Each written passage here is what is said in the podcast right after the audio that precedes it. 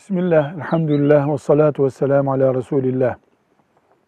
Yemek yerken konuşmamak diye bir kültür vardır. Ama bu kültür dini bir kültür değildir. İslami değildir.